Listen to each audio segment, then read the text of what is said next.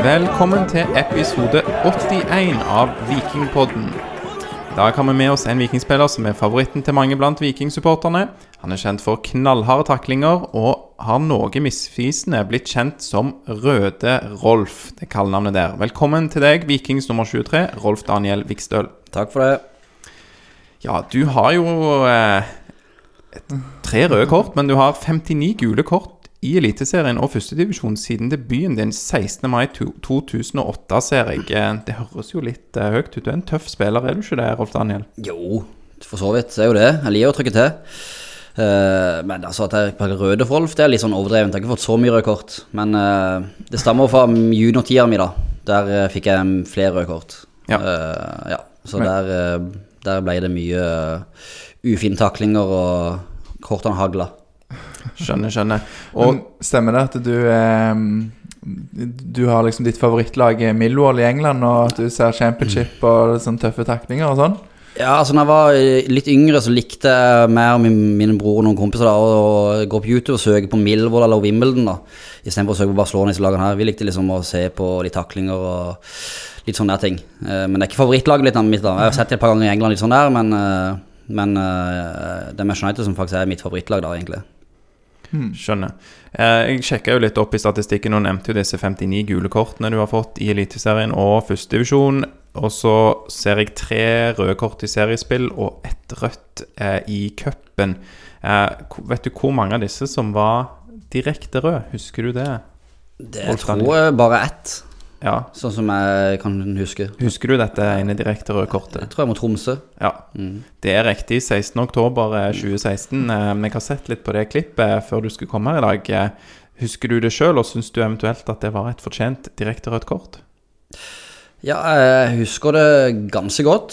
Jeg, tr jeg tror det er et fortjent rødt kort, ja. Eh, Jeg husker at eh, jeg tror ikke jeg spilte mer enn to minutter, kanskje. Nei, du hadde akkurat kommet inn, og Ja. det var min konklusjon òg, at akkurat det var ganske fortjent, det røde kortet der. Så, ja. Jeg lurer på om det var Nei, det var ikke Molandu, det var Moland Aasen, var det det? ja, jeg så Landu var oppi der rett Ja. etterpå, om det kan ha vært eh, Gjermund Aasen. Jeg ja. tror du har han Så- takla der, ja. Ja. Er det, men er det mange ganger du har tenkt at Oi sann, der, eh, der kommer det rød, og så slipper du unna? Eller er det Nei, det har sikkert skjedd et par ganger, det, altså. Men eh, ja. Når jeg skjønner at jeg får rødt, så pleier jeg egentlig bare å tusle rolig i garderoben. Ja. Det, tror de rekordene som har kommet, har vært greit fortjent.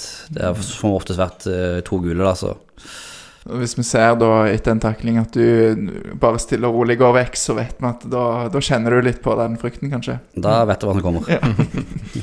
Yes. Nei, men Dere vant jo den nevnte kampen da mot eh, Tromsø 16.10.2016, så det var jo i hvert fall greit. Det fikk ikke noe sånn. Nei, det hjelper litt, det, da. Ja. Du føler ikke sjøl at du har vært med og gjort sånn ikke blir da. Og så de debuterte du i en 16. mai-kamp i 2008. Dere vant 2-0 eh, mot Kongsvinger. Husker du den eh, godt da du spilte for Start? Ja, jeg husker Ja, sånn husker for sånn eh, Ikke veldig godt, da, men eh, jeg husker sånn glimt av kampen, ja. Mm. Eh, og det, dette var jo da i eh, Jeg husker ikke om det het Adeccoligaen på den tida, men førstedivisjon. Og så uh, spilte du seinere da mot uh, Molde, var din debut i Eliteserien. Det var 1.8.2009. Er, det- er det en kamp du husker? Ja, det er jo Altså, vi tapte vel Er det 8-1? Det stemmer. 8-1, ja. Og jeg tror det var 5-0 til pause når jeg kom inn. Det er riktig. så sånn sett da, så var det jo du har ikke noe, Det kan ikke gå verre enn det det hadde gjort, da. Så uh, akkurat å komme inn på 5-0 og ikke ha noe press på seg, det egentlig veldig greit som en, en ung gutt, da. Mm. Så ja. Var det å spille for Start var guttedrømmen? For du er jo fra, fra Kristiansand, stemmer ikke det? Ja, det var guttedrømmen, det var det. Jeg har eh, vokst opp i Vågsbygd, eh, rett utenfor Kristiansand sentrum. Så det var liksom Start da, som hele tida var det store da, når jeg var mindre å spille for. Men nå har du heldigvis kommet på bedre tanker. Det er helt korrekt. Så ja, det var jo bare litt sånn der warm-up, det her med de eh, gule og røde kortene. For det, vi skal innom en del andre ting òg her i dag. Vi skal snakke ganske så mye om Viking. eh, Litt om uh, sørlendinger. Du nevnte jo det, Lars. Vi har en sørlending i studio i dag. Vi skal snakke litt om kontraktsituasjonen din. Det er et spørsmål jeg ser for meg du får ganske ofte for tida, Rolf Daniel. Det nikkes der. Så skal vi snakke litt om supporterne og livet ellers, og litt katter og fisk. Det høres ut som en grei meny. Veldig bra. Det er godt. Eh, så ja, før vi går dit eh, Jeg heter jo da Alexander, og jeg har ikke introdusert deg, eh, Lars. Men du er med meg òg. Det er kjekt å ha med meg læreren fra Madla. Velkommen til deg òg. Takk for det. takk for det Og bra jobba på lørdag når du dro, dro, dro gjennom programmet med tre gjesteprogramledere. En sterk episode, vil jeg si, etter en sterk kamp fra bl.a. deg, Rolf Daniel Vikstøl. Så kjekt. Mm. Yes. Skal vi snakke litt om Viking, Lars? Ja, vi kan gjøre det. Vi har jo fått, som du sier, mange gode lytterspørsmål, og det må vi jo som alltid takke for. Første vi tar i dag, er fra en som heter Jonas Våge Eike, og han har sendt på Instagram til oss. Hva tanker hadde du om Viking som klubb før du kom til, til klubben i 2018? Nei, jeg har tenkt at Viking er en vanvittig stor klubb i norsk sammenheng. Uh, kjempestor klubb. Uh, ja, fin stadion, og Stavanger er en flott by. Uh, og så var det jo, jeg var fra start uh, altså alltid Vi sørlendinger ser jo liksom Viking som uh, rivalen, da. Så når jeg spilte på Start, så var jo det liksom det nærmeste vi nesten kom et lokaloppgjør, da. Utenom det er vel Odd og Skien som er nærmere, men det føles som at det, alltid har vært en knive mellom Start og Viking, da, på, på, for vår del. Så, men ja, jeg så eh, Men eh, når jeg var yngre, og, og så har jeg sett mye fotball opp igjennom, og sett mye Vikingkamper, og, og, og visste at det var en stor klubb. Mm. Gjorde denne rivaliseringen det litt sånn eh, vanskelig å ta den avgjørelsen og faktisk gå til Viking, eller eh, klarte du å dytte det vekk eh, lett når først Bjarne Berntsen kom for å snakke med deg? Nei, jeg tenkte at uh, dette var en stor mulighet for meg. uh, etter at eh, Ja, du, jeg så at det ikke var sånn veldig stor mulighet i start uh, for å spille. De hadde fått mye penger og henta veldig mye spillere. Uh, tenkte at uh, ja, prøve å finne meg en klubb som virkelig har tro på meg, og der jeg kan utvikle meg videre. Uh, og så fikk jeg telefon av Bjarne, der eh, han ville komme og besøke meg og ta en prat. da. Mm. Eh, ja. Og da hadde du bodd i Kristiansand eh, helt fram til du da var 28 år på dette tidspunktet, stemmer det? ja, stemmer. Ja. Var det en eh, overgang å flytte da ut av Kristiansand når du var 28 år for første gang? Ja, selvfølgelig det var det. Det var, jeg var jo vant til det trygge, gode rammene hjemme med familie og, og venner rundt meg. Eh, og- det å skulle liksom da flytte på seg og, til en plass der du ikke kjenner noen, du har egentlig aldri vært noe særlig i, i den- den byen. Eh, det var litt sånn spennende, men eh, ja, jeg tror jeg sånn sett i ettertid så hadde jeg utrolig godt av det da. Komme litt vekk, få nye impulser og eh, få nye bekjentskaper. Det tror jeg har eh, gjort mye med meg som både fotballspiller og person da. Mm. Og det ble jo en lykkelig eh, overgang eh, for deg. Altså, du kom jo til Viking i, som nevnt i 2018, når Viking var i Obos, og var med på å vinne Obos-ligaen og har vært med på å vinne cupgull og i det hele tatt. Og Henrik Almås Bø fra Instagram han spør om du kan fortelle litt om reisen fra Obos-gull til etablert i troppen. Altså du det var jo konkurranse litt på venstrebekken der, og har jo, du har jo vært litt inn og ut av laget, men, men ja, kan du si noe om den tida di da, i Viking, liksom, fra Ja, altså det har jo vært litt av en reise. Det har det Du kom til en klubb som er litt sånn uh, har rykka ned. eh, det er mye nye spillere. Nå må liksom bygges litt på nytt, da. Eh, men eh, Bjarne spiller inn ting på meg som jeg syns er veldig spennende. Eh, Bjarne har virkelig tro på det prosjektet, og at vi skal eh, komme oss opp på første forsøk. Eh, så jeg syns det virker veldig spennende. Og så har det vært eh, en fantastisk reise da fra det til der vi er nå. Vi rykker opp på første forsøk og har klart å retablere oss bra i Eliteserien. Og i år er vi med og kjemper om medalje, da. Uh, og for min egen del så har det jo vært uh, Jeg har spilt sånn jevnlig. Jeg har ikke spilt hver eneste kamp, uh, men eh, ja, det har ikke vært liksom det viktigste for meg å spille hver eneste kamp. Det har liksom vært viktig for meg å være en viktig bidragsyter og vite at hver gang jeg skal spille, skal jeg gjøre mitt beste og prøve å prestere best mulig. Og det føler jeg har gjort. Og i år uh, syns jeg det har gått, uh, gått veldig bra, da. Der jeg har fått jevnlig med spilletid og har spilt uh, stort sett fast. Uh, ja, Så det er jeg veldig godt fornøyd med. Og du sier at eh, Bjarne spilte inn spennende ting til deg. Var det Hva ting var det? Liksom, kan du si noe om Nei, det er jo liksom det størrelse på klubben Viking, hvor de skal være hen. Eh, eh, Vi hadde ja, en ganske ung spillergruppe med mye lokale spillere. Eh, ja, med, men vi har, jeg syns vi hadde Når jeg liksom kom og fikk eh, sett på troppen og laget, syns jeg vi hadde veldig bra stall. Jeg har vært i, spilt i Odek og Obos-ligaen eh, med Start flere ganger før. og jeg syns det vikinglaget der eh, var veldig bra, og hadde stor tro på at vi kom til å rykke opp det året, selv om det var ikke lett, men eh, vi greide det. Mm. Og den rutinen du sier er jo em, sikkert en stor del av grunnen til at du ble sett på som en viktig brikke oppi dette her, og at du har vært det.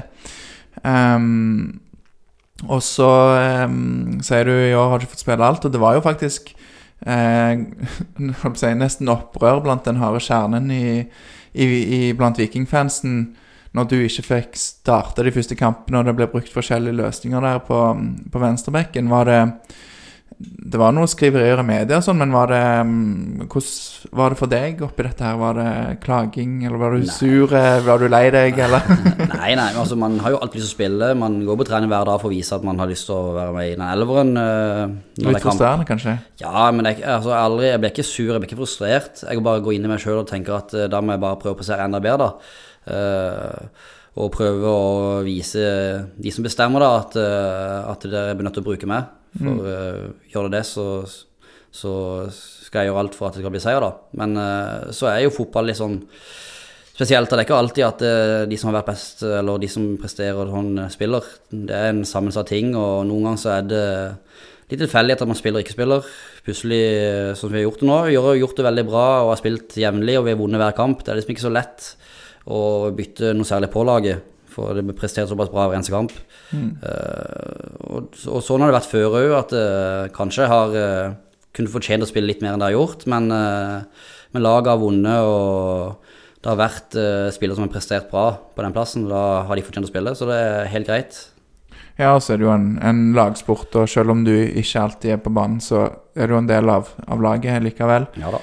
Um, og ja, er det mye eh, Får du liksom begrunnelser fra trenerne hele veien, eller må du oppsøke det sjøl, eller? Nei, ja, man har jevnlig kontakt med trenerne, de eh, sier at det, altså, de har samtaler med folk eh, som ikke får spille, og hva som er grunnen til det. Og, så jeg har aldri hatt noe problem med det, og jeg har et kjempegodt forhold til både Morten og Betty.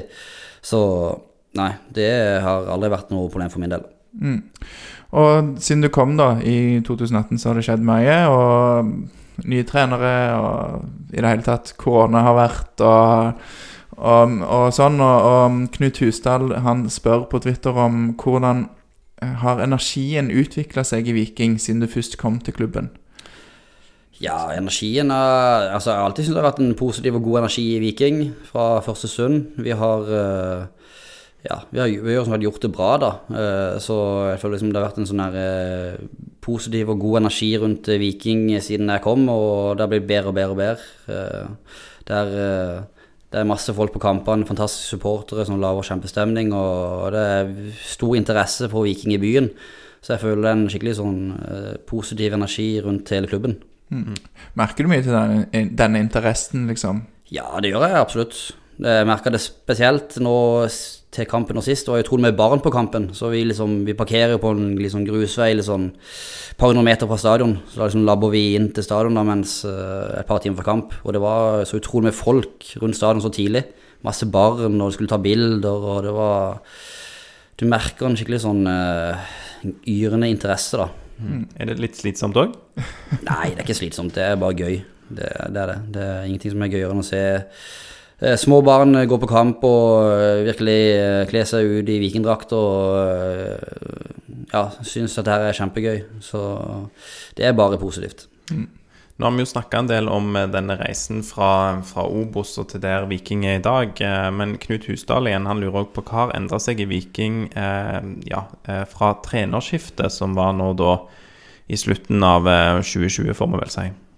Ja, nei, det er vanskelig å sånn sette på noe spesielt. Altså, men det er jo så det skjedd litt små ting. Eh, Bjarne var ekstremt flink til å bygge et eh, solid lag eh, som var, skulle være godt nok til å rykke opp, og eh, ta oss videre opp i Eliteserien og stabilisere oss der, og det greide han. Og så tror jeg at Morten og Betty har liksom litt videreutvikla litt sånn spilleprinsipper og litt sånn spillestil og vært enda mer tydeligere på hvordan vi sjøl vil spille. Jeg føler at sjøl at vi har blitt et lag som vil bedre til å dominere kampene uh, med ball. Uh, så der syns jeg vi har tatt store steg, da. Som, eh, som trenertyper, da, kan du si noe om forskjellene på Bjarne, Bjarte og Morten? Nei, det er, nei, de er jo tre forskjellige individer, da. Jeg syns Ja, Bjarne eh, er kanskje litt mer en autoritær eh, leder, der eh, eh, Det er liksom han som bestemmer og, og, og de tingene der. Og jeg har eh, kjempegodt forhold til Bjarne. Kjempeflink trener og har lært kjempemye av han. Men han har vært med lenge og er litt sjef, liksom. ja, mens Morten og Betty er også litt sjef, de er det. De er jo de som bestemmer og de tingene der. Men eh, ja, de er kanskje enda mer eh, På det fotballfaglige er de kanskje eh, enda mer på det analytiske. Mm. Flinke til Ja, flinke på i det åssen spill vi skal ha, og vårt eget spill, syns jeg. Mm. det var vel kanskje òg litt sånn at eh, For det var vel Bjarte og Morten som hadde mye av treningene, altså arbeidet på feltet, sjøl når Bjarne var der. Så, eh, så det er jo Da får du en naturlig kontinuitet da, når, eh, når de fortsetter. Ja, ja, absolutt. Bare lurer på om du kunne tatt eh, mikrofonen din litt sånn eh, mot deg, og, og kanskje litt den veien. Ja. Takk. Eh, da er det meg, ja. Og Knut Husdal han lurer på hvem i troppen trekker resten med seg på trening. Ja, nei det Jeg syns Løkberg er en person som får med seg folk. øh, er veldig øh, verbal og, og er flink til å få med seg Hvis han ser noen litt- kanskje litt ned en dag, at han får de med seg. Veton er en sånn type. Slatko er en sånn type. Så vi har flere sånne typer da som er flinke til å dra med seg, dra med seg de andre.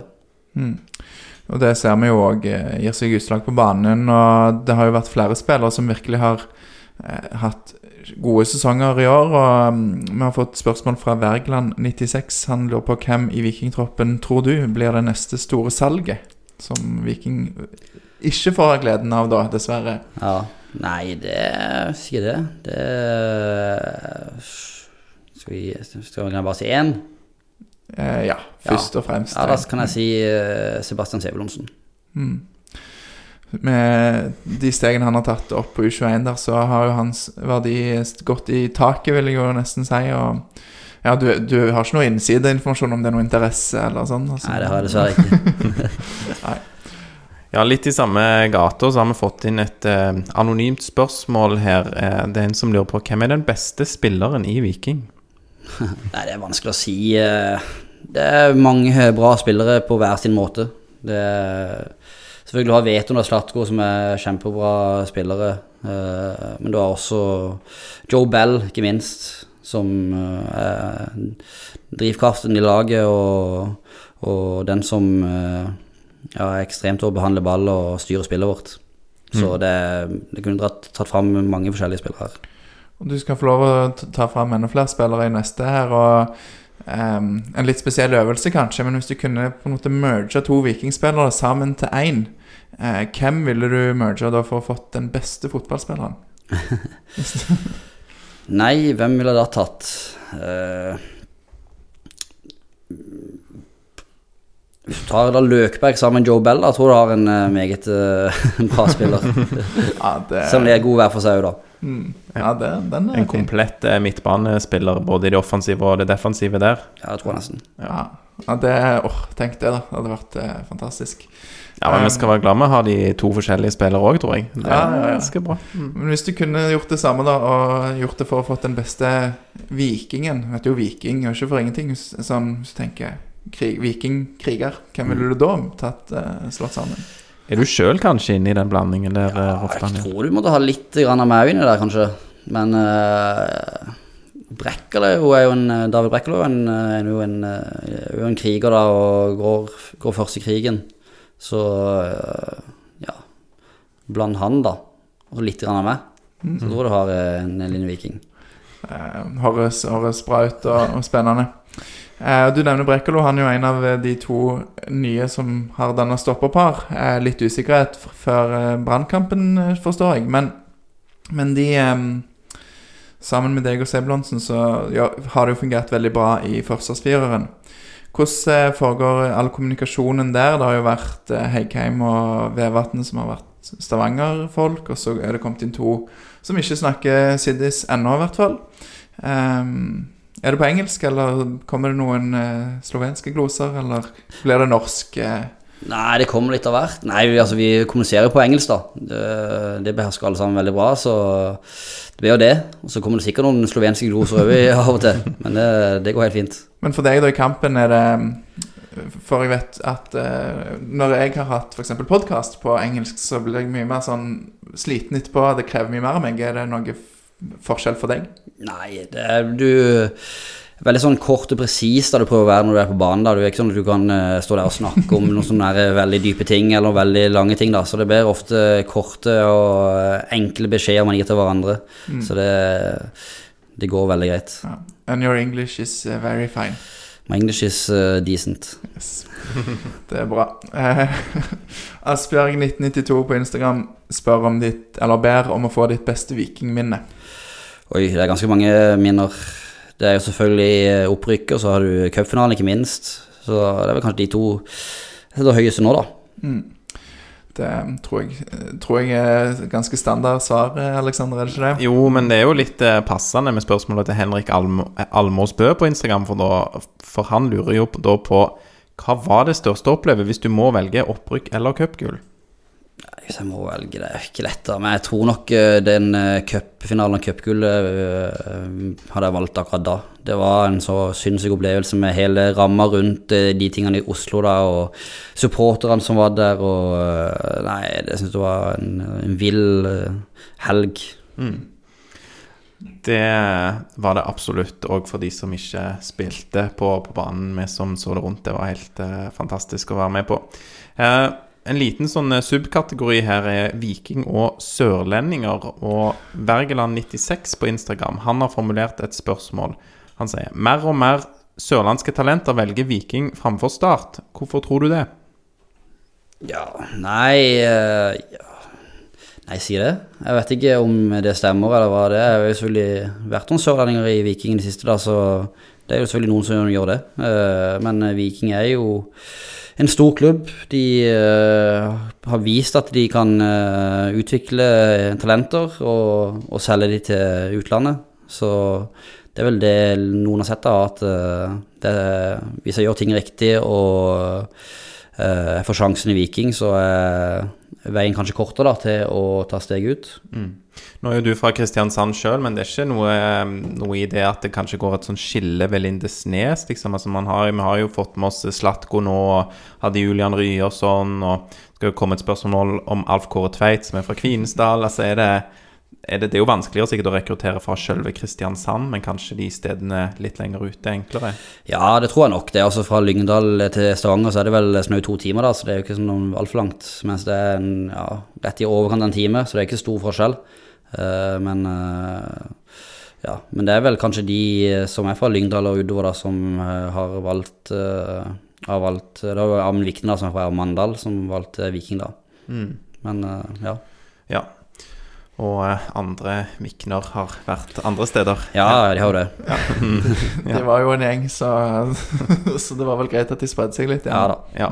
Um, ja, Earl Erik på Instagram, han spør Hvem er den viktigste, ikke nødvendigvis beste, sørlendingen som, har, eh, som er eller har vært i Viking? Og da vil han at du skal velge mellom A. Rolf Daniel Vikstøl. B. Slatko Tripic. C. Alf Kåre Tveit. Ja, Alf K. Tveit eh, husker jeg, eh, så han kan jeg ikke si så mye om. Men du vet kallenavnet hans? Nei? Nei, Fygaren. Ok. Er det, ok, det er ikke noe som snakkes om litt sånn innimellom. Vi hadde vel Henrik Heggheim, Fikk også spørsmål om han Lars, gjorde han ikke det? Jo, og når eh, han eh, Jonny Fjordal var her òg, så han eh, dukker stadig opp. Kanskje vi må få han inn i, i poden òg, men Ja, Det må vi gjøre en gang. Så skal jeg sende deg et YouTube-klipp, Ja, Rolf Daniel, så kan du se på Fygeren. Ja, det ser jeg fram til. Og så bare før du òg velger, så Vi hadde jo sånn halvveis en avtale med Henrik Heikheim at hvis han skårte mål, eh, så skulle han ta figeren når han skårte. Det er en veldig enkel, fin feiring. Oh ja. Som et fly. Mm. Og, og da, da har jo han forlatt klubben uten å skåre, så da går jo spørsmålet videre til deg. Om du ikke kan, hvis du skårer denne sesongen, ta fyreren når du Jo, skal det kan jeg gjøre. Det er greit. Jeg har en feiring jeg slipper å tenke på at jeg finner ut av hva jeg skal gjøre, så da kan jeg kjøre den. Det Nydelig. godt. Men da skal du få velge mellom eh, Slatko Tripic og Rolf Daniel Vikstøl. Da velger jeg Slatko Tripic, gjør det. Det var jo selvoppofrende av deg, da. Men eh, dere er jo på signalspillere begge to, så det er kjekt å ha i klubben. Funker jo fint sammen òg, da. Altså, Ja, absolutt. Jeg trives veldig godt å spille sammen med Slatko, og det er en, en god mann han får seg. Så har vi et spørsmål her som jeg har bytta i eh, sørlendingkategorien, men det kunne vært andre steder òg. Og det er et spørsmål eh, fra meg. For jeg syns jo at du er en veldig god eh, fotballspiller, eh, Rolf Daniel. Og jeg ser jo ganske mye fotball, spesielt på Viking, så jeg syns i hvert fall sjøl at jeg er en god eh, dommer på det. Men jeg syns jo ofte at du tar ut ganske mye dybde når du forsvarer deg på venstresiden. At det kan bli, at det blir litt ryggende og dyp istedenfor kanskje å støte eller følge angriper. Da er jo mitt spørsmål altså, er det noe som trenerne har nevnt for deg dette, eller andre klokere fotballhoder enn meg sjøl? Eller er det første gang at noen sier noe sånn? Nei, nei, det er ikke første gang noen sier det. Det har jeg hørt før òg. Men eh, ja, det er litt sånn uh, Lett å bli sånn litt ryggende uh, hvis du møter en litt sånn rask kant, kanskje. At du er litt redd for å bli passert, uh, og at han skal løpe fra deg, da. Eh, så er det ikke alltid det det lureste å rygge, og heller kanskje bare støte, men eh, ja. Så det er noen ting jeg har prøvd å jobbe litt med, og prøve å gjøre, gjøre litt ting med, da. Eh, så det har jeg hørt før. Mm. Er det noe som har vært snakka litt om inneværende sesong òg? Ja, absolutt. Vi har jo snakket på trening og diverse, da, så det har vært jobba med. Dette har jo vært på en måte Alexander sin, eh, sin store greie, da, som han til stadighet tar opp i Jeg vil jo si at det faktisk er mitt eneste ankepunkt mot forsvarsspillet ditt, eh, Rolf Daniel. For det er jo helt uh, nydelig. Altså, jeg, jeg var jo helt uh, solgt, må jeg si, uh, på kampen mot Lillestrøm over din innsats. Så det er ingenting å utsette på det. Altså, jeg syns det er veldig mye imponerende. Og du har noen sånne silkemyke touch her mot Lillestrøm òg, bare for å En lekker helflikt der. Og, Jo, men òg bare denne roen, da, når du legger den på brystet og sånne ting. Så jeg må bare Det var ikke for å bare fokusere på det negative her, men eh, det er noe jeg har bitt meg merke i her. Og så en annen ting som Alexander pleier å ta Det er ikke så mye deg, tror jeg, men, eh, men det er jo det å, skjerme spilleren ut. Nå er ikke Alexander eh, spilt på så høyt nivå, men det er sånne ting som uh, han òg irriterer seg på. At uh, ikke led inn i banen. Det, det er sikkert òg noe dere snakker litt om av og til. Det er det. Det er nok ganske mye ting man kan irritere seg over når man er supporter og ser kamper, så Og det er jo, Men det tror jeg du har rett i, Lars. Det er ikke så mye Viking, iallfall ikke i det siste. Men en del andre kamper så skjønner du ikke helt hva som skjer når du De inviterer spillerne inn til å løsne skudd, eh, så Men syns du det er urettferdig når sånne supportere og, og amatører som oss kommer med sånne liksom fotballfaglige ting og liksom kritisere dere for, for sånt? Er det noe dere plukker opp, eller? Nei, jeg tror ikke eh, egentlig så veldig bryr så mye om det, da, men eh, jeg syns det er fint at folk har meninger, og at de er interessert. Det er det viktigste, at folk bryr seg. Uh, syns jeg er viktig, da. Så eh, ja, så jeg setter bare pris på det, at eh, folk eh, viser interesse og virkelig bryr seg om eh, det man holder på med, da. Så er det jo sånn, eh, Lars, at noen amatører de eh, får lov til å sitte på stadion og snakke til de de, de de kjenner om hva de mener, og noen er heldige nok til å få snakke om det på podkast, så er det i hvert fall noen hundre eller noen tusen som eh, hører på. Så det er jo fint. Ja. Ja. Fint for meg, i hvert fall. ja. Så um, ja, vi hadde jo ikke invitert deg her hvis vi syntes det var bås, så jeg, jeg håper, du, håper ikke du sitter igjen med det inntrykket, i hvert fall eh, når vi går over til Ja, neste kategori her. Da får vi rette opp i det, i hvert fall. Det skal nok gå bra. Eh, neste her er jo kontraktsituasjonen. Vi nevnte jo det allerede, Rolf Daniel. Og da har vi fått et spørsmål fra eh, Svart X Samtid på Insta. Han eh, lurer på Sterkt navn. Ja. Eh, svart gange samtid, eller svart ja, mot samtid, jeg vet ikke. Men Instagram i hvert fall. Eh, de siste par kampene har supporterne sunget om at han må få ny kontrakt, og det har dukka opp eh, hashtag 23, eller nummer 23 blir det, på feltet. Eh, spørsmål eh, her er hva skjer med kontrakten? Nei, det er ikke noe, noe nytt, øh, egentlig. Det er ikke fått noe øh, kontraktforslag, og øh, ja, så det er ikke noe, noe nytt å snakke om, egentlig. Det ble jo litt spekulasjoner når, du, når vi måtte utsette innspillingen eh, forrige uke, og om det var kanskje fordi du måtte ha ny kontrakt, men da kan du altså avkrefte det her og Da kan jeg avkrefte det, så det var, det var rett og slett sykdom. Litt småklein i formen, så ja. Asbjørg1992, som vi har hørt fra før, eh, hun spør på Instagram eh, planen eh, for 2022. Hvis du ikke får ny kontrakt, har du en eh, plan A, en plan B her? Nei, vi får se. Jeg har ikke noe uh, lagt noen tydelige planer eller B ennå. Så uh, vi får se hva som skjer uh, her først, og så ja, får vi legge plan etterpå det. Men jeg har et spørsmål òg i forlengelsen. og Det er fordi at når du har snakket med oss før, og når du har, snakket med Aftenbladet, så er det jo sånn, litt sånn diplomatiske svarene og sier på spørsmål om f.eks. Viking er ditt første valg, så har du svart at det vil du ikke uttale deg om. Em, er, hva, hva, si, um, hva er grunnen til det, hvis du kan si noe? om- Altså, er det sånn at du ikke vil uh, Hvis du ikke blir Viking, så vil du ikke Støte en annen Ja, klubb, jeg vet ikke om du skjønner hva Ja, jeg du kan skjønner si noe mener. om det. Nei, altså eh, Jeg må liksom kunne greie å forholde meg til det realiteten i ting, da. Så eh, jeg har så, så langt ikke fått noe kontraktforslag av Viking. Uh, uh, ja, så da må jeg liksom bare vente og se hva som skjer der, og så får vi ta det deretter. Vi hadde jo Vidar Nisja her hos oss i episode 45, eh, og han fortalte at for han var det viktig å få en avklaring før, eh, før siste hjemmekamp, sånn at hvis det var, var slutten, så fikk han en ordentlig avskjed. Hva tenker du om, om det, hvis det skulle gå den veien? Ja, jeg tenker jo at det mest sannsynlig kommer til å bli en avklaring før eh, siste seriekamp, ja. Det regner jeg med, og ja. Det, det, bør, det bør være greit. Ja. Mm, Kommer du til å be om det, hvis du ikke Nei, altså, be om det Jeg kommer jo til å øh, Altså øh, regner, Jeg regner bare med at det sier seg sjøl, at øh, jeg tror ikke det drøyer så lenge før det blir noe avklaring på det, da. Ja, det er jo nesten et, et folkekrav eh, her um, fra, fra fansen, for det Fredrik um, må jeg tunga beint i munnen. Fredrik 240791 på Instagram. Han har ikke et spørsmål, men ber oss si til deg at vi supporter syns du skal få en god og lang ny kontrakt. Viking trenger deg på banen. Så Ja, men det, altså, jeg setter pris på det veldig. Jeg får jeg får med meg ting som beskrevet, jeg får mye tilsendt, liksom, og, og jeg setter utrolig pris på det. Og supportergruppa her i Viking er helt fantastisk, og har alltid har liksom uh, laget et vanvittig leven og liv, og de står alltid på og kommer på bortekamper og øh, Nei, jeg er virkelig imponert over Stavanger-folket. Det, det er kjempesupportere. du, du vil jo bli savna hvis du drar, og det høres kanskje ut som om det går litt andre veien òg.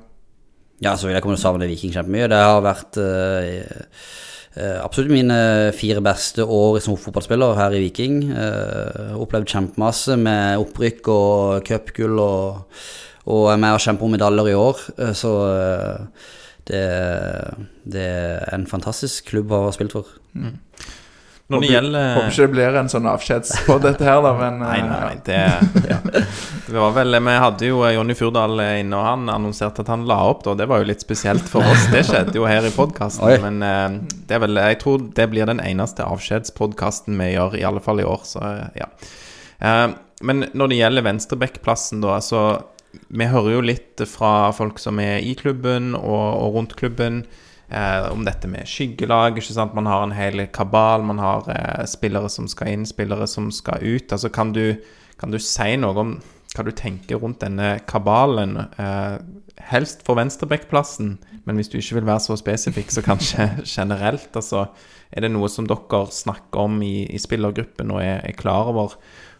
Nei, altså, det er jo ikke det. Altså, folk eh, Det er ikke vår oppgave da, å sette sammen de som skal være i troppen til neste år. Det er jo trenerne og sportssjefer og de andre som tar seg av. Så vi har ikke sånn Jeg tror ikke så veldig mange som fokuserer fokus på det.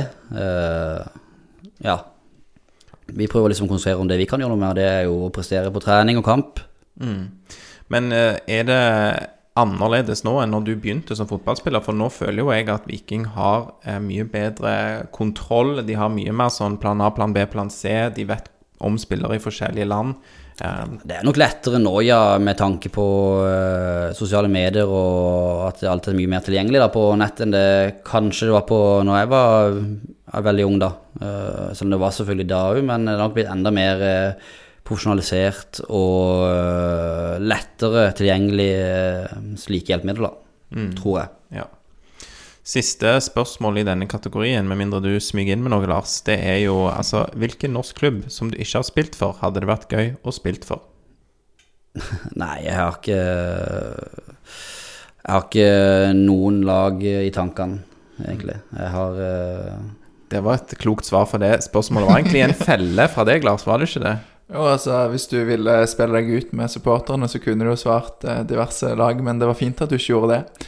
Men er det noen utenlandske lag da som du egentlig alltid har hatt en drøm om å spille for?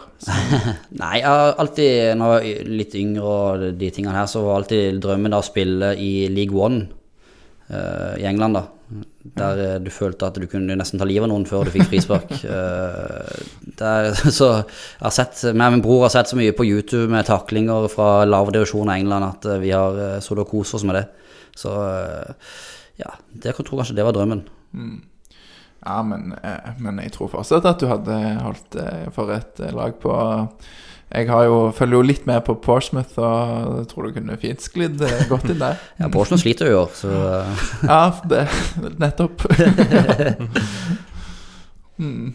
Eh, ja, vi går videre til neste. Da er det, da er det meg. Jeg, disse fargene var veldig like, Alexander. Nå gir jeg deg litt sånn kritikk her på, på lufta. Ja, for eh, ja. lytterne skal vi jo si at vi fargekoder jo spørsmålene, da, som uh, Altså, noe blir jo litt sånn improvisert, ikke sant, hva vi spør om, men noe er forberedt. Og, og da, Lars, du er den blå, og jeg er den grønne. Ja. Sånn har det vært i hele år. Ja, jeg har grønn på jobb, så det er veldig forvirrende dette her. Men jeg gjør mitt beste, så får jeg håpe det er godt nok eh, idet vi går over i supportersegmentet. Vi har snakket litt om det allerede, men vi har fått lytterspørsmål fra Svart X samtid igjen fra Instagram, og han ber om noen spesifikke øyeblikk eller kamper denne sesongen som du vil trekke fram, der det har føltes som om publikum har vært en avgjørende faktor.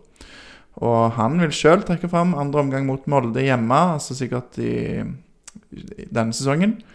Um, både serie- og cupkampen mot Rosenborg, og selvfølgelig med kampen mot uh, Godset borte, der dere da dro i land en 1-0-seier. og Det er jo ganske sjelden. Og dette spørsmålet kommer jo òg før Lillestrøm-kampen, som var forrige helg. Så sikkert Yes. ikke en dårlig supporteropplevelse, det er heller å vinne 5-1 mot Lillestrøm. Nei, det er sant. Nei, men har ganske mange å ta, føler jeg, i år. Og etter, i hvert fall etter at vi fikk åpne opp litt mer og fikk masse folketribuner. Men uh, spesielt uh, den uh, Molde-kampen i andre omgang der var jo ekstrem når vi lå under uh, 2-0 og greide å snu det. Da følte de var virkelig med og hjalp at vi greide det. Og ikke minst mot Sandefjord, synes jeg, når vi var en mann mindre, så var de med og, og bikke det sånn at vi greide å vinne. Eh, og de andre kampene òg, som vi nevnte òg, er jeg helt enig. Rosenborg, begge ganger med Rosenborg òg var, eh, var det ekstremt viktig med den uh, trøkken som var der da. Ja, det, det har vært veldig gøy å, å gå på stadion òg, for eh, når det kommer folk, det, det er noe helt annet. Så, så mener jeg det. Men, men bare siden du nevner Sandefjord-kampen, da var det jo litt sånn show og konsert og sånn. Var ganske mye lyd eh, før kamp og sånn. Hvordan, hvordan var det å varme opp i dette her eh, konsertbråket? Ja, fikk Eller ikke bråket, da, men Nei, nei. Du får, du får liksom ikke med deg sånn veldig mye. Du hører selvfølgelig at det skjer et eller annet bak deg og på tribunen, og det er litt mer eh, synging og hoiing enn man er vant til, da. Men eh, man er såpass fokusert på de eh, tingene man skal ut og gjøre, da, at, at man ikke legger sånn veldig mye merke til det. Mm. Ja, nei, for jeg tenkte det var jo veldig eh, høy lyd, så det var kanskje vanskelig å gi beskjed til, til hverandre. Og, ja. Ja, det merker man det, og det at man eh, må kanskje gå nærmere hverandre for å snakke sammen, og må ut til linja for å høre hva treneren eh, sier til deg, og litt sånn diverse ting, da, men eh, det går veldig greit. Og em, vi beveger oss litt over på det vi har kalt for fotballfilosofi-delen. Og her har vi en, eh, en god bidragsyter som heter Emilio Sanuesa på Twitter. Emilio Pepilio. Han har noen eh, ja, noen sitater er ikke, Alexander, som, eh, som jeg vil be om din eh, mening om. Og første er fra Julian Nagelsmann. Han sier 30% av coaching er taktikk. 70% er sosial kompetanse. Er du enig eller uenig, og hvorfor, hvorfor det? Nei, det er jeg veldig enig i. Uh, altså det viktigste i fotball er det mentale, da. Eh, og at du har en da trener som eh, har såpass mange forskjellige individer og forskjellige personligheter, og du må ta hensyn til og få disse til å prestere som et lag, da. Eh, da må du ha noen egenskaper som trener da, som greier å trykke på de riktige knappene hos hver enkel. Og ingen er like, og alle er forskjellige, så det skal liksom Det skal noen egenskaper der til da, for å få det til. Mm. Så som trener så, så er jeg helt enig i det. Så du ville ikke likt deg sånn 70 eh, taktikk med Roy Hodgson som bare terper på en måte på kampplan og verdens kjedeligste treninger, har det vel blitt beskrevet som. Ja, nei, men nå har jo han vært trener i Premier League og gjort eh, det, det bra med mye forskjellig, da, så det fungerer jo det også. Men eh, ja, jeg tror, jeg tror den Nagelsmann-teorien er, er det viktigste, da. Men, men litt av begge deler. Syns du Betty og Jensen balanserer det, det bra? Veldig bra. Betty, altså Morten og Betty er vanvittig flotte, toflotte personer som er flinke til å se hver enkelt individ og er flink eh, personlighetsmessig med hver enkelt spiller. Så de har noen egenskaper der som eh, er meget viktige. Det hadde jo vært veldig spesielt hvis du eh, nå kom med sånn refs eller kritikk av de, da. Men du er jo på utgående kontrakt, så Ja, det er ikke eh, Neste utsagn er fra Johan Cruyff, som sier at hvis du setter innpå dine elleve beste spillere, så får du ikke en sterk elver, men elleve sterke einere. Hva tenker du om dette? Nei, jeg er selvfølgelig enig i det utsagnet der òg. Altså, man, eh, man skal jo bygge et lag, da. Da er det jo forskjellige egenskaper som er viktige. Altså, du kan ikke ha elleve Messier eller eh, eller eh, elleve Vinnie Jones. Da går, går det galt. Så du må liksom ha forskjellige spilletyper på forskjellige posisjoner. Så akkurat det sier, det sier de seg sjøl, da, egentlig. Og et siste fra en som heter Juanma Lillo, eller Lio. Jo raskere ballen går frem, jo raskere kommer den tilbake. Ja, ja, absolutt. Det er, altså, nå har jeg- heldigvis har fotballen utvikla seg til en uh, mer kanskje ballbesittende uh, fotball, der eh, man, man må holde ballen mer i laget enn kanskje var når jeg var ung, da, der det var litt mer kick and run og, og løpe og krige og fighte. Så det er nok lurt å prøve å holde ball i laget, ja. Liker du mm, Liker du best egentlig når det er litt sånn kick and run, siden du Ja, jeg er jo veldig fan. Jeg, jo, jeg elsker jo kick and run. Jeg er jo, kunne gått rett i ligaen og bare kelka ballen og løpt. Men eh, Nei da. Litt satt på spissen, da, men ja. Et, eh, et quiz-spørsmål til begge dere to. Juanma Juan Malio, vet dere hvem det er? aldri hørt om. Det er jo en spansk trener, da. Um, Han er nå en av assistenttrenerne i Manchester City. Så, Ja, det er, ja. Ifølge et kjapt eh, Ja, Google-søk så er der, så Emilio Sanuesa han er mer oppdatert på disse store trenernavnene enn det vi er her i podkasten. Så ja. Hmm. Da glir vi over fra denne eh, sitat- og fotballfilosofidelen, og så glir vi over i en kategori som heter livet sjøl, katten, fiske og Vikstøls meninger. Så det er en litt sånn catch all-kategori. Og første spørsmålet her er fra Lars Aksnes på Twitter. Han vil gjerne høre Røde Rolf sine meninger rundt VAR. VAR, ja. Nei, jeg håper jeg har lagt opp innen eh, VAR kommer inn norsk fotball. Det tror jeg bare blir surr. eh, Og jeg blir så oppgitt og lei meg når jeg ser uh, fotball, Premier League, da. Der de bruk- skal skulle bruke masse minutter på å finne ut om det har vært mål, eller om det var en tre millimeter offside eller en millimeter. Og jeg syns det Jeg synes det ødelegger mye av fotballen, da.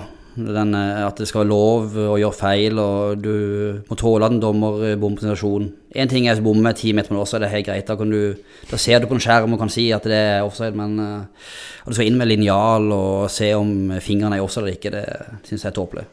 men Viking hadde jo fort leda tabellen i år hvis, eh, hvis vi hadde hatt Ja, vi har, vi har fått veldig mye situasjoner mot oss som egentlig skulle vært andre veien. Vi er vel et lagene som har fått flest mot oss, eh, så, men altså det, for meg er det en del av gamet. Eh, og så sier de at det går opp i opp. Det er kanskje ikke de gjør ikke alltid, alltid det, men uh, Skal jeg komme med den kjedelige kompromissmeningen òg, da, men litt bare til det du sier om Premier League, Um, Rolf Daniel, så er det jo Hadde det gått an å gjort det på en verre måte enn det de begynte med der borte? Det tror jeg jo ikke. Nei, de har ikke det. Det har vel blitt bedre i år enn det var i fjor, da. Sånn sett, så det er jo godt å se det, da. Men allikevel syns jeg det er for mye dilldall og på millimeter som det skal måles opp. Nei, det var en skikkelig joke, eh, spesielt i fjor, altså. Det ja, kan dra noen stories der, og mange som har fått fortjent refs for det opplegget der. Ja, det Nei.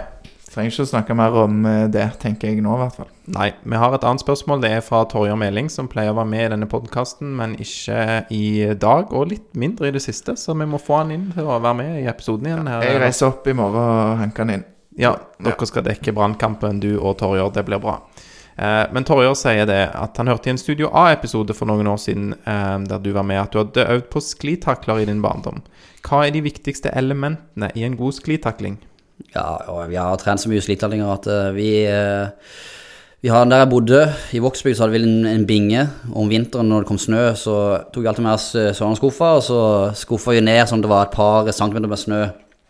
Sånn at vi kunne virkelig takle i snøen å få vondt, da. Eh, så de har trent ekstremt mye på det faktisk oppi, oppi barndommen. Eh, så er det jo altså hva som er viktig med takling, det er jo timing, da.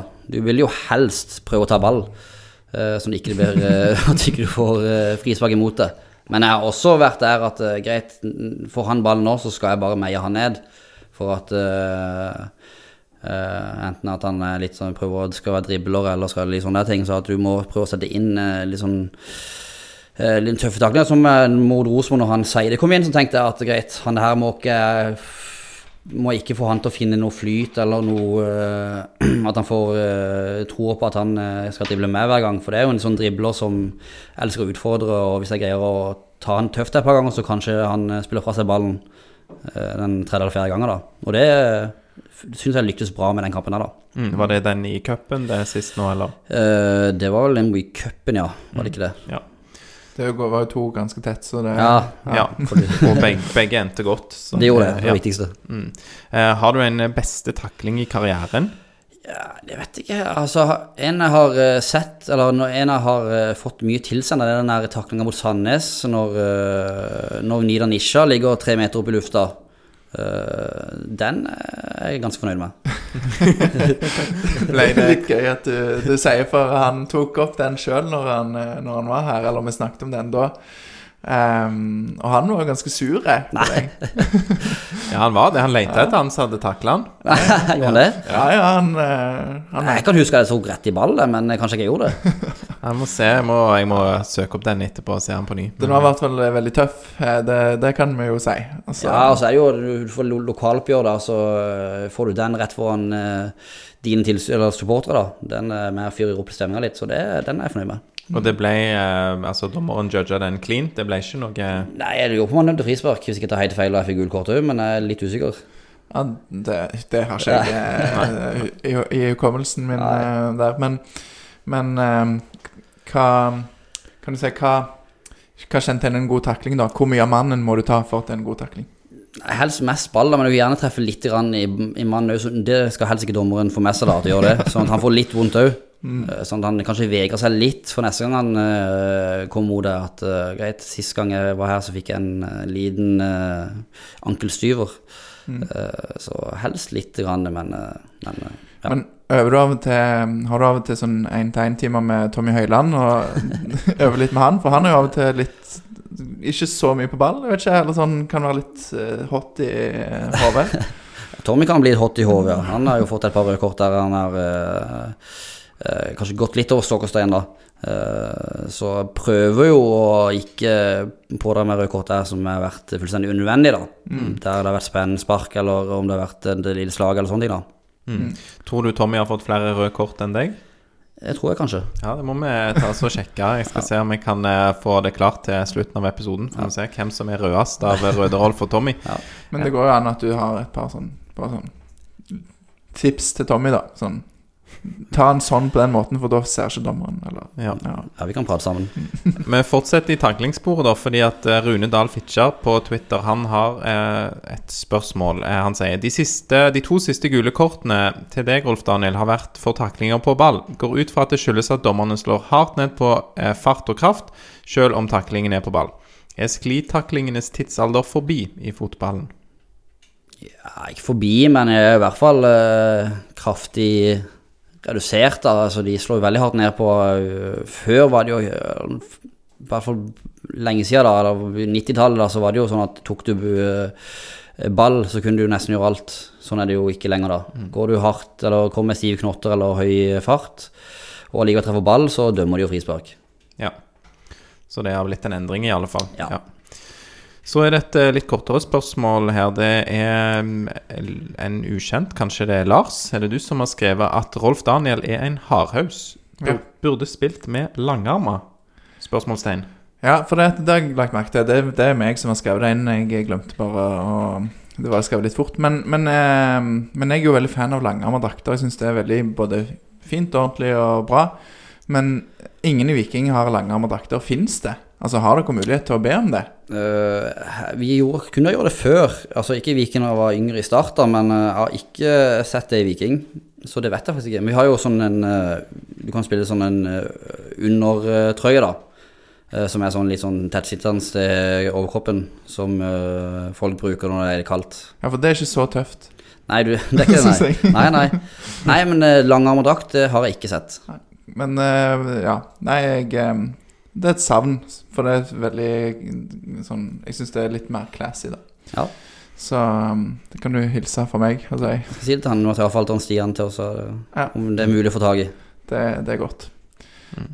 Um, nå kom jeg litt ut av det, men er det meg nå? er Nei, jeg kan gå videre. Jeg, jeg skulle bare si at jeg, og at jeg eh, så på Tommy. Så fra andredivisjoner opp så finner jeg bare to røde kort på Tommy. Jeg vet ikke om det er feil, men det kan jo man ha fått noe for, i tredjedivisjon for Viking. Men det siste jeg har registrert her, er et rødt kort mot Ørn Horten eh, for Strømsgodset 2.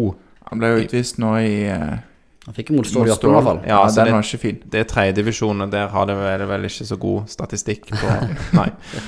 Men eh, og, og bare for øvrig om det med hardhaus og langarmedrakt, så var vi jo på Viking Bryne på lørdag, og da spilte alle damene i kortarmedrakt, og så var det dagen etterpå, så var det nesten eh, lå på åtte eller syv eller åtte vikingspillere med sånn undertrøye under. Så kvinnene, de var tøffe, syns jeg. De var tøffe. Ja, det er bra. Et uh, spørsmål her som er kommet fra en ukjent eller anonym til deg, Rolf Daniel, det er hvis du kunne forandre én regel i fotballen, hva ville det vært? Å ja, foran en regel. Nei, hva skulle det vært sånn, da? Jeg vet ikke om vi ville forandre så mye. Kanskje høyere list med tanke på taklinger. Uh, utenom det så tror jeg ikke ville forandre så mye. Ville du hatt eh, mållinjeteknologi i norsk fotball? Det kunne jeg gjerne hatt. Er ballen over linja, så skal det være mål. Så det er et eh, fint hjelpemiddel, og det er jo noe man får beskjed på klokka på sekundet. Det tar ikke lang tid, så det kunne du gjerne hatt. Mm, mm, det er bra.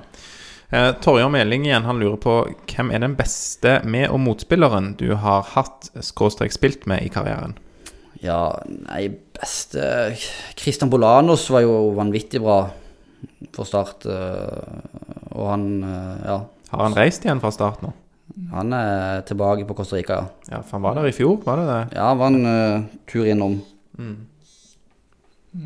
Og, eh, og motspiller, har du noen der som du har merka deg?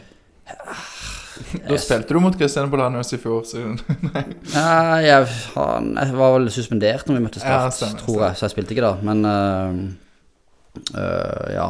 Nei, motspiller uh, Jeg spilte mot mye bra spillere. Jeg husker når debuten i Eliteserien, da når jeg kom inn mot Molde, da, så var jo Mami Rame Dioff eh, var jo spiss og skåret vel minst tre mål den kampen. Og han var vanvittig bra. Og, ja. Nei, Det er jo klart, og det er jo en eh, kamp man husker òg, når man får eh, debuten i Eliteserien. Um, Jeg bare lese neste spørsmål her. ja, ok, jeg begynte å lure på hvorfor du ler, Lars. Nei, jeg, gleder, jeg gleder meg til å høre svaret på, på denne. ja, det, for dette er How is your daddy på Twitter som har eh, spurt uh, følgende spørsmål til deg, Rolf Daniel. Hva er det beste med deg? Å ja, med meg? Nei, jeg er ikke så veldig flink til å øh, tenke over sjøl jeg er flink til, da. Men jeg ser på meg sjøl som en omgjengelig og hyggelig person, da. Prøver å behandle de jeg treffer med respekt og, og sånne ting. Så ja, at jeg er snill og grei. Enkelt og greit. Det er en veldig god eh, kvalitet å ha. God egenskap. Um, og um, JS Eikeland han lurer på om det fortsatt er liv i Monsen. Nei, det er jo øh, Det er det ikke. Meget trist. Meget trist historie. Så hun Det det er to år siden nå. Og for de som gjerne ikke har hørt på Studio A, eller kjenner deg eh, inngående, hvem er Monsen? Hvem Nei, var Monsen? Ja, det var, en, en, det var en katt jeg fikk når han var åtte uker. Hadde han i tolv år. Så han ble jo, en, eh, ble jo gammel, da. Så, eh, så han levde et godt Hun var jo ei jente, faktisk, så hun levde et bra liv. Så hun hadde jo hadde i Kristiansand i, i åtte år og tok henne med henne til Stavanger, og, og der bodde vi. Så eh, hun, eh, hun savner jeg. Og, og Hvordan fikk du denne katten, egentlig?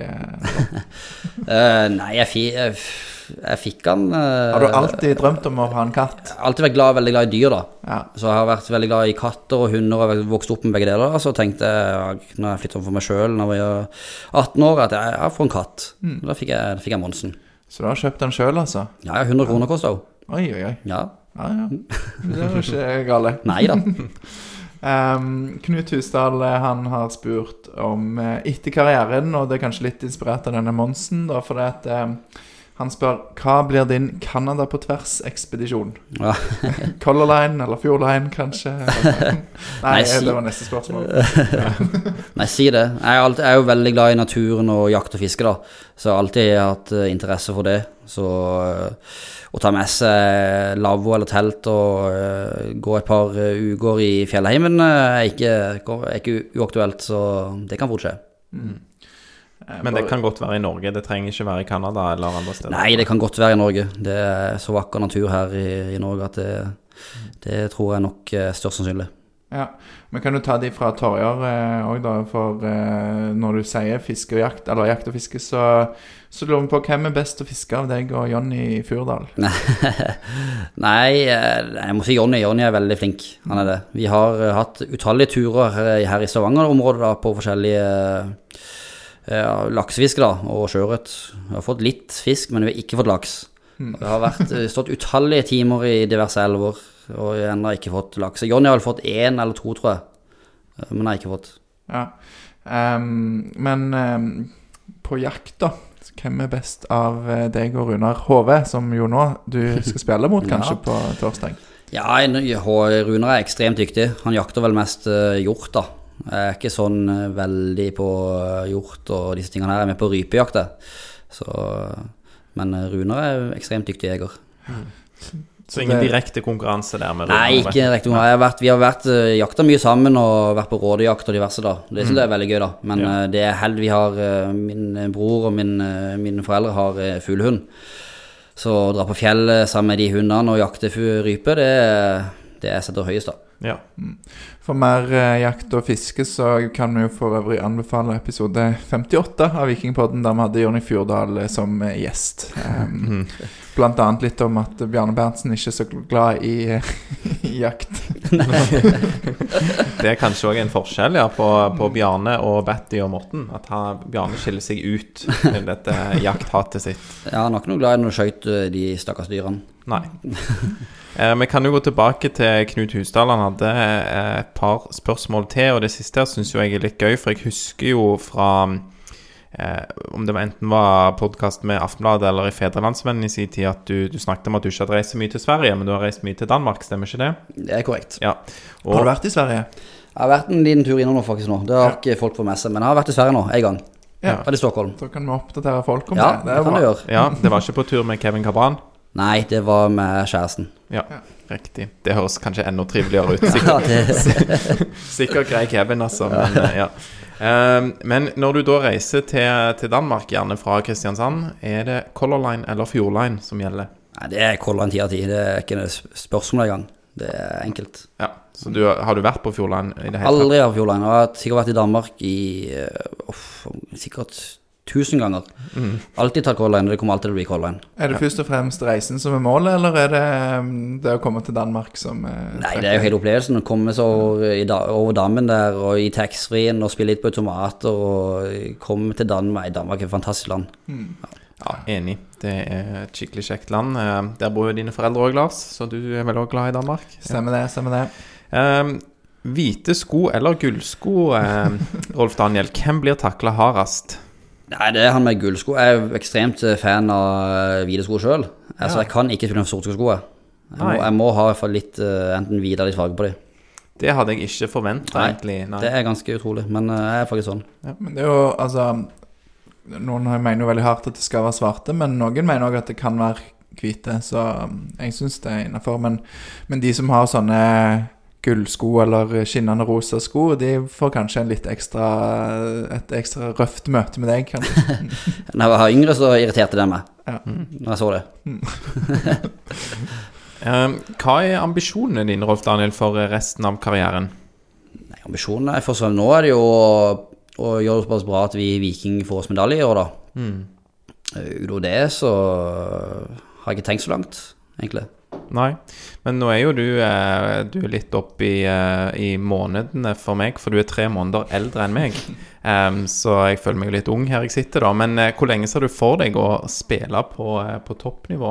Har du tenkt noe på det? Ja, det har jeg selvfølgelig. Nei, altså Aldri sagt det der så lenge jeg syns fotball er gøy, og jeg føler at uh, jeg har noe på toppnivå å gjøre, så har de som spiller på toppnivå. Og så lenge kroppen fungerer fint, så slipper, og, slipper skader og diverse ting, så har jeg lyst til å spille så lenge som mulig. Eh, ja. Og kroppen jeg har aldri vært lite skada. Kroppen kjennes bra ut, og jeg syns fremdeles fotball er det gøyeste som finnes. Og ja, vi får se. Har du en liten trener i deg? Ja, det kan godt være. Jeg har eh, Jeg syns det er spennende, det er det. det er, jeg har jo hatt mye erfaring, vært med lenge og de tingene der. Men det er noe helt annet å være trener enn det å være spiller, da.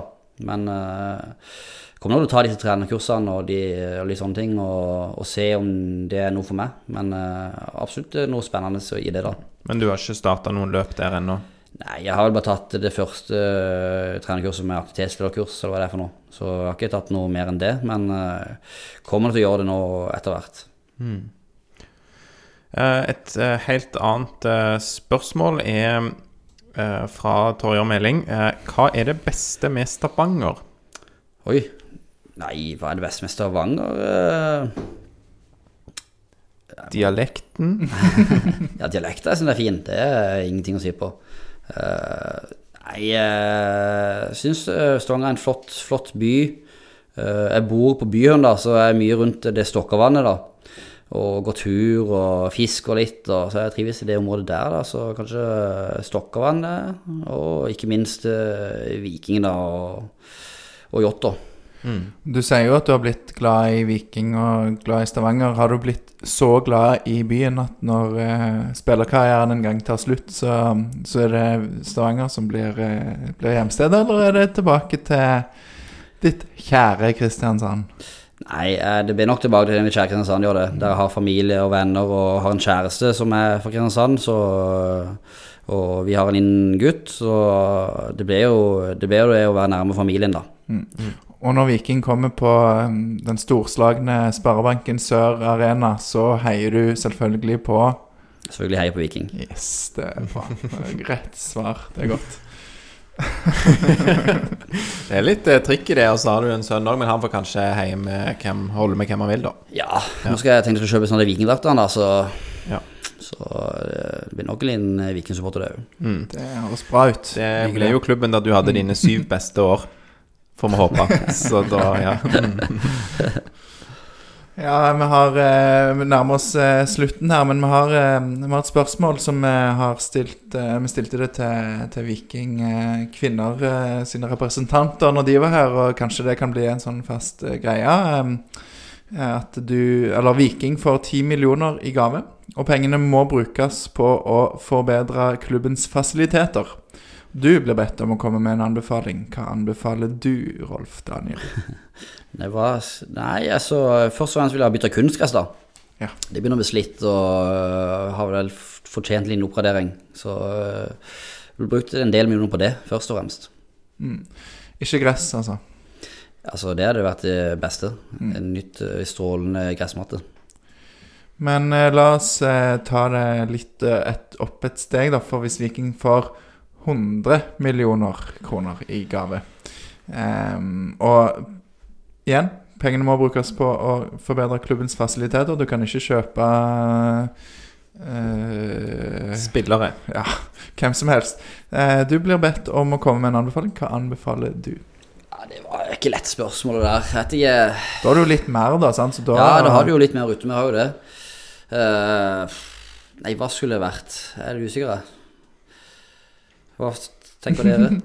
Ja, hva tenker vi? Det er et godt spørsmål. Nei, altså det, det, Når det blir sånne store summer, så tenker jeg tilbake til der det var snakk om at eh, det skulle være EM i Skandinavia, f.eks., eh, og man måtte opp i en kapasitet på Da var det vel snakk om 22 000 fast og eh, sånn 30 000 midlertidig og sånn. Sykt. Eh, Ja, så, så, så det hadde jo vært nice òg hvis klubben var i en posisjon der det var nødvendig eller aktuelt. Så jeg kan jo svare det, da, at eh, vi må gjøre det bra sportslig, og så må vi virkelig eh, ja, ta steg òg på publikumsfronten, da, sånn at det, Viking er et lag som selger ut hver eneste kamp. Og så vil jo de 100 millionene komme godt med da. Ja, jeg har òg Altså, det var jo snakk om eh, noen sånn takinstallasjon på, på, på stadion før koronaen kom, eh, der det var eh, mulighet til å trekke det tilbake. Det hadde jo vært fint med en sånn, når det kommer til høsten, å kunne ha litt mer eh, skjerming på, på stadion. Ikke, jeg ville ikke at den lukka hele veien.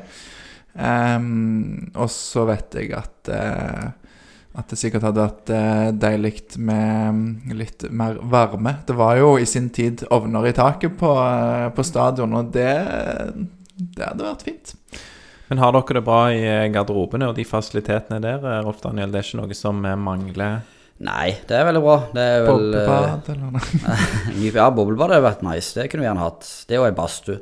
Mm. Da hadde vi hatt det som plommeegget, men vi hadde det veldig greit. Det er eh, ikke så lenge siden han ble pusset opp, faktisk. Var det i fjor? Eh, Så vi har ingenting å klage på. Det er godt å høre. Men da eh, kan jo være at vi hadde klart å bruke opp de 100 millionene på det vi har eh, sagt nå. Det, Vi tenkte det. En, er, vi, er vi kommet til veis ende nå, Aleksander? Ja, er det noe du brenner inne med her, Rolf Daniel? Nei, jeg tror ikke det. Jeg vil si tusen takk for at vi lov til å komme. Det har vært jo en, eh, en gøy opplevelse og satt pris på å bli spurt. Veldig kjekt å, å ha deg her eh, ei uke på etterskudd. Det er nok eh, den episoden som eh, folk har venta mest på, da. Så det er jo kjekt å få, endelig få slippe den. Og så eh, bare sånn, vi, vi har jo av og til gjort sånn at eh, Bare for å ikke glemme noe, så hvis du hadde hatt deg sjøl som gjest i din egen podkast, hva ville du spurt deg sjøl om? Jeg tror jeg har vært innom de fleste temaer og fleste spørsmål, så jeg tror jeg har dekket det ganske bra. Ja, det er godt. Det er bra. Da får vi bare si takk til alle som har sendt inn eh, spørsmål. Det gjør jo at eh, ja, eh, spørsmålspoolen blir enda bedre. Og så, eh, ja Men, og nå er det faktisk sånn at det er mulig å gi rating, har jeg sett, på Spotify og sånn òg. Så vi håper jo at folk, hvis du syns dette var en ok podkast å høre på, og gjerne høre på Vikingpodden av og til, så gi oss en eh, ja fire-fem stjerner der. Rolf Daniel har eh, hjulpet Vikingpodden å bli en enda bedre podkast. Gi oss gjerne en eh, fem eh, rating på Spotify eller Apple. Eh, Hvis du ikke syns han var så god, så bare heller send oss en melding om hva vi kan gjøre bedre. Så Da kan du sende oss en melding på Instagram, Facebook, Twitter eller på e-post vikingpodden at gmail.com. Så da bare gleder vi oss til kamp i Bergen på torsdag, og så er det hjemmekamp mot eh, Sarpsborg på eh, søndag. Er det tre- Ja, 31. 31. oktober. oktober, så det er jo viktig. Kom på stadion 31. oktober. Klokka seks, faktisk. Klokken 18.00. De bytter om på tidspunktene for tiden. Mm. Så ja, det gjelder jo de som hører podkasten ganske rett etter han ble spilt inn. Hører du dette om noen måneder, så kan du se vekk fra det. Og da kan vi egentlig bare avslutte. Da avslutter vi sånn som vi pleier, og vi sier én, to, tre Heia Viking! Viking!